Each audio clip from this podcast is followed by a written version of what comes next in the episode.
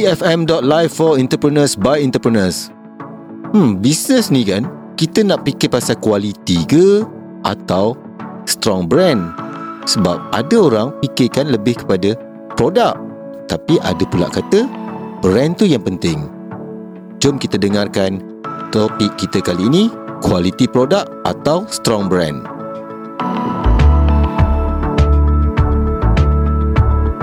Assalamualaikum Salam sejahtera kepada usahawan-usahawan semua. Selamat berniaga, selamat berbisnes. Dan kepada pendengar-pendengar Bicara Express Pastinya apa yang anda sedang rancangkan untuk lakukan hari ini Ataupun dah buat ataupun sedang lakukan Ianya akan mendapat keberkatan dan percaya untuk hari ini Dan seterusnya. Saya akan kongsikan dengan anda kata-kata motivasi Yang mungkin kita boleh fikirkan, kita renungkan. Dan hari ini saya nak kongsikan kata-kata daripada Irfan Khairi iaitu bila orang kata tidak boleh buktikanlah bahawa anda boleh. Ha, so mungkin anda boleh fikirkan renungkan apa yang dikongsikan itu.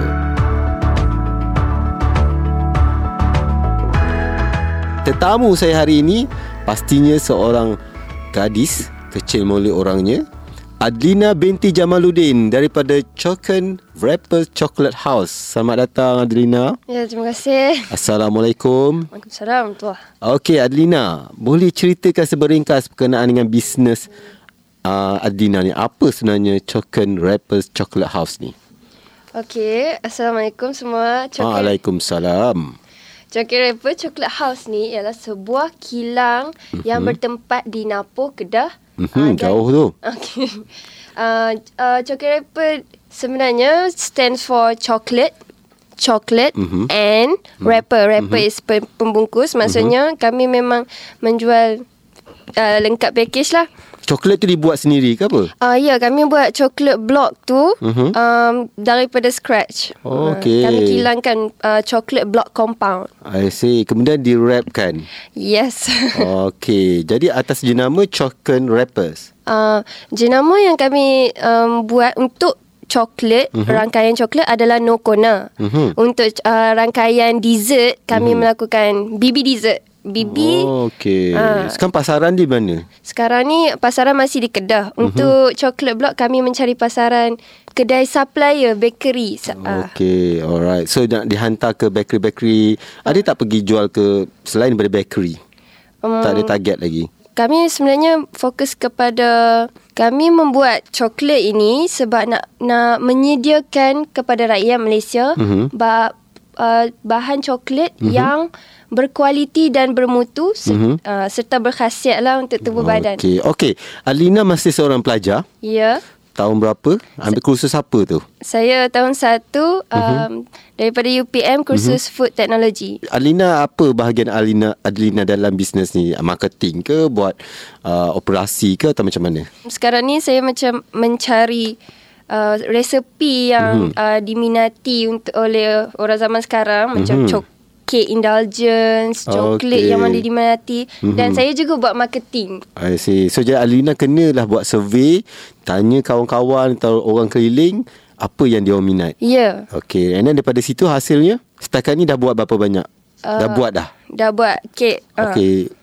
Dia suka apa? Yang paling viral sekarang ni kek cheese leleh dan kek coklat moist kami. Memang sedap. Okay. Cik, kisah. Saya pernah rasa tapi daripada orang lain lah. uh, pernah dengar Anne Idris? Tak pernah. Cuba Google nanti. Okay. An Idris. Dia ada cheese lele. Uh, cheese lele uh. dia memang sedap. Uh. Uh, saya iklankan. And kalau mendengar ni, commission. okay.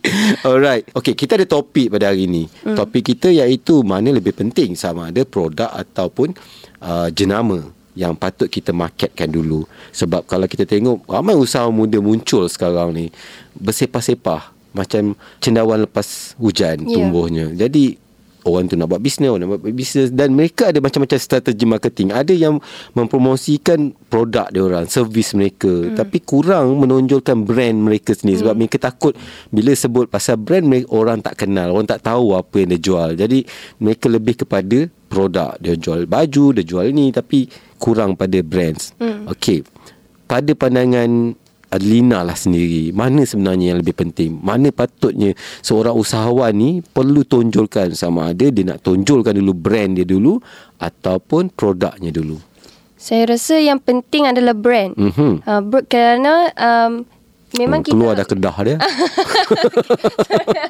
kita kita memang akan mula dari bawah. Mhm. Jadi nak bina brand tu Mhm. uh, sangat penting sebab once orang dah kenal kita jual apa pun oh, Senang. Oh, senang. hmm. So Adelina mem- mempromosikan brand Ya, saya promosikan brand saya brand coklat No Kona. hmm. Tapi bila sebut coklat Orang dah tahu dah Ah. Kan So jangan kona Okey. right. Okay Jadi Adelina bersetuju Bahawa topik kita pada hari ini Kita mesti lebihkan pada brand Untuk kita marketkan ya. Ha, barulah kita beritahu apa produk yang kita nak jual. Mm. Alright. Siapa si uh, mentor anda? Uh, inspirasi saya adalah tok saya Mhm. namanya Hamsiah Hamsiah binti Ismail. Dok- Dia seorang profesor uh, doktor profesor Hmm. yang bidang homeopati. Oh, okay. Alright. And then sekarang bisnes ni siapa yang buat? Mak ke ayah? Yang bisnes ni um, mak yang baik bahagian coklat. Mhm. Uh, yang sebenarnya yang peneraju kami adalah start daripada Tok Wan kemudian Tok sambung. Uh, Hmm. Motivasi tu macam uh, Tok yang selalu salurkan. Ah, okay. So dah sekarang ni cucunya pula uh, mengikut jejaknya. Hmm. Ah, okay. Itu inspirasi. Uh, apa ni sebagai seorang anak muda ada uh, inspirasinya. Ya. Alright. Okay. Itu bagus. Dan okay kita nak balik semula pada topik kita tadi. Di mana kalau uh, Adlina tadi berkata dia bersetuju bahawa uh, kita kena promote lebih pada brand. Hmm. Okey, memang betul. Kita pun tengok macam yang bisnes besar-besar yang bersifat antarabangsa nasional, yeah. biasanya mereka bila kita sebut uh, ubat gigi contohnya, apa di fikiran kita adalah Colgate. ah, kan? Walaupun kita nak beli produk lain Tapi kita fikir oh, Aku nak pergi beli Colgate. Padahal pergi beli Dali Ah. Kan? Ah, Begitu juga KFC contohnya. Ah, Pizza Hut. Semua tu Lebih kepada jenis brand. Dan Apa dia jual tu Semua orang akan beli. Ah. Produk-produk lain tu Dia orang akan belilah. Alright. Tapi Pada pandangan uh, Adlina sendirilah Okay Kalaulah usaha muda yang menjual produk dia lebih kepada produk dia, adakah mereka ni tak boleh tahan lama bisnesnya? Ya, saya rasa takkan tahan lama sebab produk tu Mhm.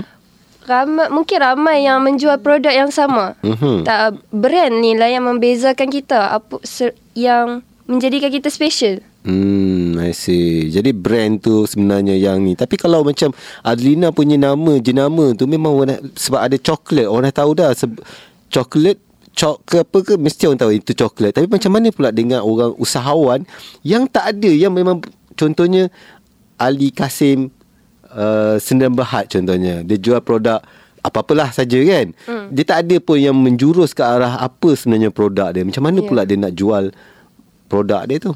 Mungkin uh, Sebab tu mungkin dia takut dia nak jual uh, nak promote dia punya Ah. produk dia uh, brand dia lebih daripada produk sebab dia takut orang tak kenal. Macam Ah. mana apa yang patut dia lakukan? jadi dia perlu build image dia. Mungkin mm-hmm. dia kena iklan lagi banyak mm-hmm. uh, bagi tahu. Sebab macam Daim, mm-hmm. dia tak sebut coklat mm-hmm. tapi kita tahu tu coklat eh. Mhm. Uh, Ya, itu caranya.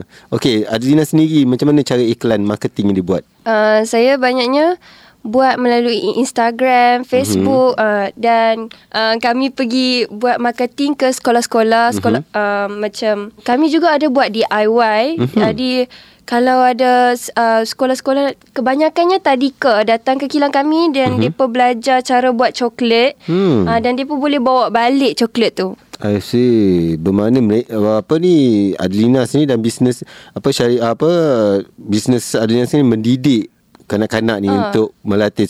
Dan okey, kita tadi bincang pasal macam mana dia orang ni nak develop develop tu sebab hmm. of course cost tinggi tak untuk nak develop ataupun nak mema- memasarkan jenama tu tadi. Ah, tinggi tinggi. Sebenarnya uh, kalau selalunya orang buat banner, mm-hmm. poster kan, mm-hmm. dia tampal Mm-hmm. kalau Bukan yang itu cara lama kan. dan hanya orang yang lalu je boleh nampak. Ah, betul. Melalui media sosial Ah, media sosial sangat efektif lah. Mm-hmm. Instagram, Facebook, Twitter. Sekali viral tu memang Terus ada. Ah, ya, okay. memang panas lah. Uh, Adlina, boleh tak sharekan dengan pendengar-pendengar bagaimana kita nak menjual produk ataupun brand tu secara efektif berdasarkan pengalaman bisnes Adlina sendiri?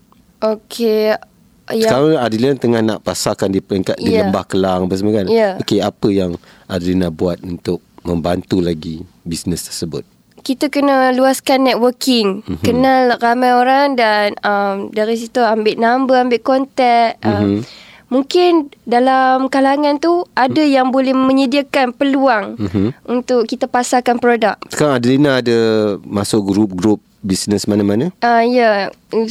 Uh, UEC, uh, University Entrepreneur Club UPM. Okey, dan uh, ada ikuti tak kursus bisnes perniagaan secara formal di mana-mana agensi kerajaan ke contohnya? Uh, ya, yeah, bakal bakal meng- Belum lagi lah Ah, ni. belum lagi. Okey, kena ambil. Ya. Sebab belajar perniagaan ni mesti kena ada ilmu yang secukupnya dan Ya. ilmu tu tak pernah habis. Ya. Bersetuju dengan saya? Uh, ya, yeah, saya setuju. Okey. Apa hala tuju bisnes anda sekarang? Kemanakah anda akan bawa pada 5 tahun atau 10 tahun? Of course, lepas ni bisnes tersebut akan diterajui oleh Adlina sendiri. Kemanakah perancangan Adlina untuk bisnes ini? um, saya nak memasarkan mm-hmm. uh, produk company mm-hmm. uh, ke seluruh Malaysia dan mm. mungkin ke luar negara. Mhm. Dan uh, kalau boleh nak la, luaskan rangkaian produk kami iaitu sekarang kami buat coklat block compound mm-hmm. dan kami akan insyaallah akan membuat coklat couverture yang mana yang tu lebih sedap dan lebih berkhasiat. Mm-hmm. Jadi uh, ada buat paperwork berkenaan perkara tersebut supaya mana tahu mungkin setahun dua tahun lagi dah lupa pula apalah yang aku nak rancangkan kan. Hmm. Uh, jadi kalau dah ada ada paperworknya. Uh, baru menulis idea insyaallah akan Hmm, buat baru paperwork. menulis idea Ya. dia. Okey. Alright, kita harap beliau akan uh, dapat menyedia satu paperwork yang lengkap supaya apa yang dirancangkan akan berjaya. Okey. Uh, mengikut seperti mana sebab uh, apa ni kertas kerja ni adalah panduan untuk guideline untuk kita Ya. bergerak uh, ke hadapan lagi. Ya. Alright. Okey, kepada pendengar-pendengar EFM ni mungkin ada yang nak dapatkan uh, produk daripada Adlina ataupun daripada company. Uh, kalau siapa uh, kalau nak order membuat tempahan coklat mm-hmm. blok kami, kami buat coklat uh, dark, white dan milk dan pelbagai perisa lagi. Mm-hmm. Boleh kontak kami di 0134882810. Itu nombor handphone. Iya. Nanti kalau ada orang PM tepi. Allah akbar.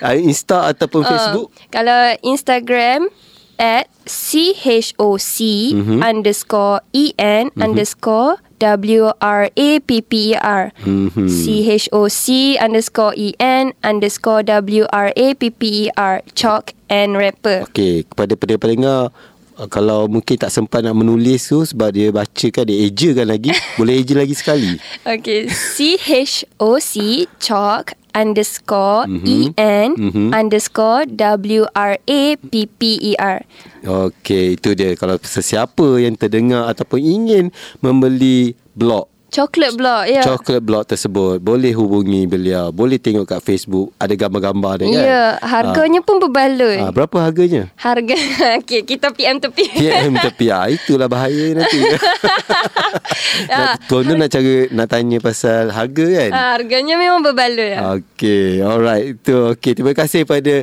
Adlina kerana sudi datang ke studio kita pada hari ini. Ya, terima Semoga kasih juga bisnes tersebut sukses dan boleh dikembangkan seperti mana yang dirancangkan. Mungkin saja bukan berada di Malaysia saja tapi ke luar negara juga satu hari nanti. Insya-Allah. Insya okey, terima kasih sekali lagi kerana datang bersama kami.